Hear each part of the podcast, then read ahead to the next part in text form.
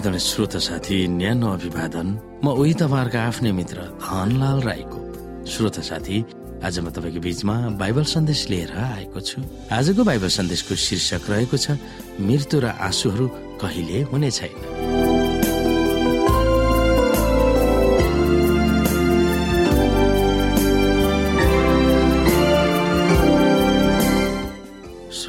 कतिपय धर्मका दर्शनका मानिसहरू र अझै इसाईहरू नै आत्मा अमर छ पापीहरू नर्कमा अनन्तसम्म जलिरहनेछन् भनेर सिकाउँछन्। यो बाइबलको शिक्षाको विपरीत छ। नयाँ स्वर्ग र नयाँ पृथ्वीमा मृत्यु कहिले हुने छैन शोक हुने छैन र कहिले रुनु पर्ने छैन। यो भनेर प्रकाश एक्काइस अध्यायले हामीलाई भन्दछ। तर बाइबलको सत्यलाई अस्वीकार गर्नेहरूले त्यसको विपरीत सिकाउँछन्। यदि अनन्तको आगोमा पापीहरू जलिरहनेछन् भन्ने सिद्धान्त सत्य हो भने दोस्रो मृत्युले पाप र पापीहरूलाई यस जगतबाट निर्मूल हुने छैन। तर नर्कमा पापीहरू अनन्तसम्म शोकित हुनेछन् र रोही कराई गर्नेछन्। यस परिवेशमा जगत कहिले पनि पहिलाको सिद्ध स्थितिमा पुरा फर्किने छैन तर मानवीय धारणाहरूको विपरीत परमेश्वरलाई धन्यवाद होस् कि उहाँले पापीहरूको मामिलामा फरक चित्रण गर्नु भएको छ। आउनु श्रोता हामी यहाँ केही पदहरू हेरौँ यसै यहाँको पुस्तकलाई हामी हेरौँ।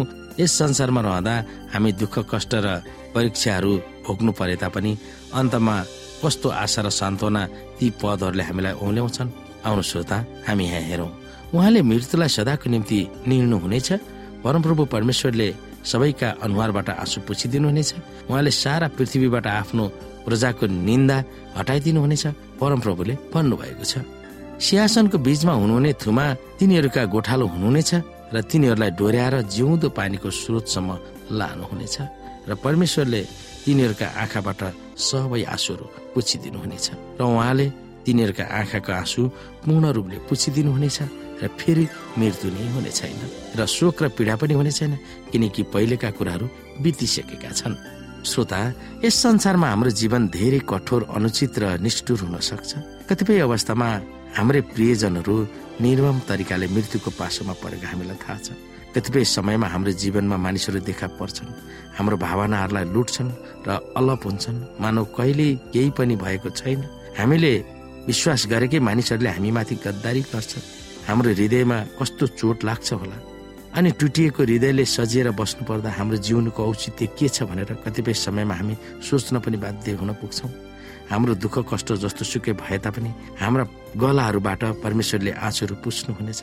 जहिले पनि उत्सुक उहाँ हाम्रो आँसु पुस्नु हुनुहुन्छ तर हामीहरूका आँसुहरूका भारी त्यस बेलासम्म रहिरहनेछ जबसम्म मृत्यु शोक र रोदनको सदाको निम्ति अन्त्य हुने छैन।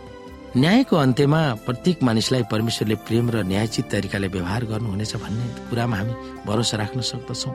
ख्रिसमा मर्नुहुने हाम्रा सबै प्रियजनहरू तिनीहरूको मृत्युबाट पुनरुत्थान हुनेछ र हामीसँग सदा सर्वदा रहनेछन्। जो अनन्त जीवनको निम्ति अयोग्य छन् वा तिनीहरूकै निर्णयले अनन्त जीवन गुमाउन चाहन्छन् तिनीहरूको अस्तित्व हुने छैन। स्वर्ग तिनीहरूको निम्ति यातना गृह हुनेछ। नर्कमा तिनीहरू अनन्तसम्म कष्ट पाइरहने छैन।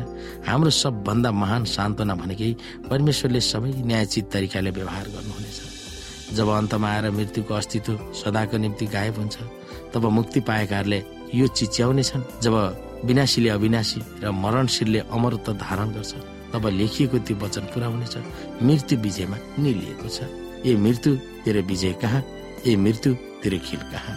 परमेश्वरले पुनः सृष्टि गर्नुहुने नयाँ स्वर्ग र नयाँ पृथ्वीमा पहिलाको कुराको याद हुने छैन र न त दिमागले नै सोच्दछ भनेर प्रभुले हामीलाई प्रतिज्ञा गर्नुभएको थियो।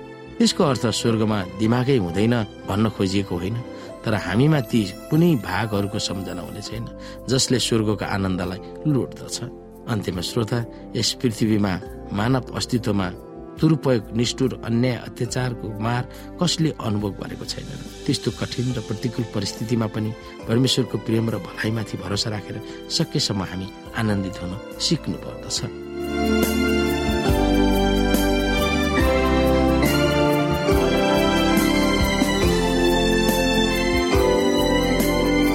श्रोता साथी आजको लागि बाइबल सन्देश यति नै। हस्त नमस्ते। जय मसिंह।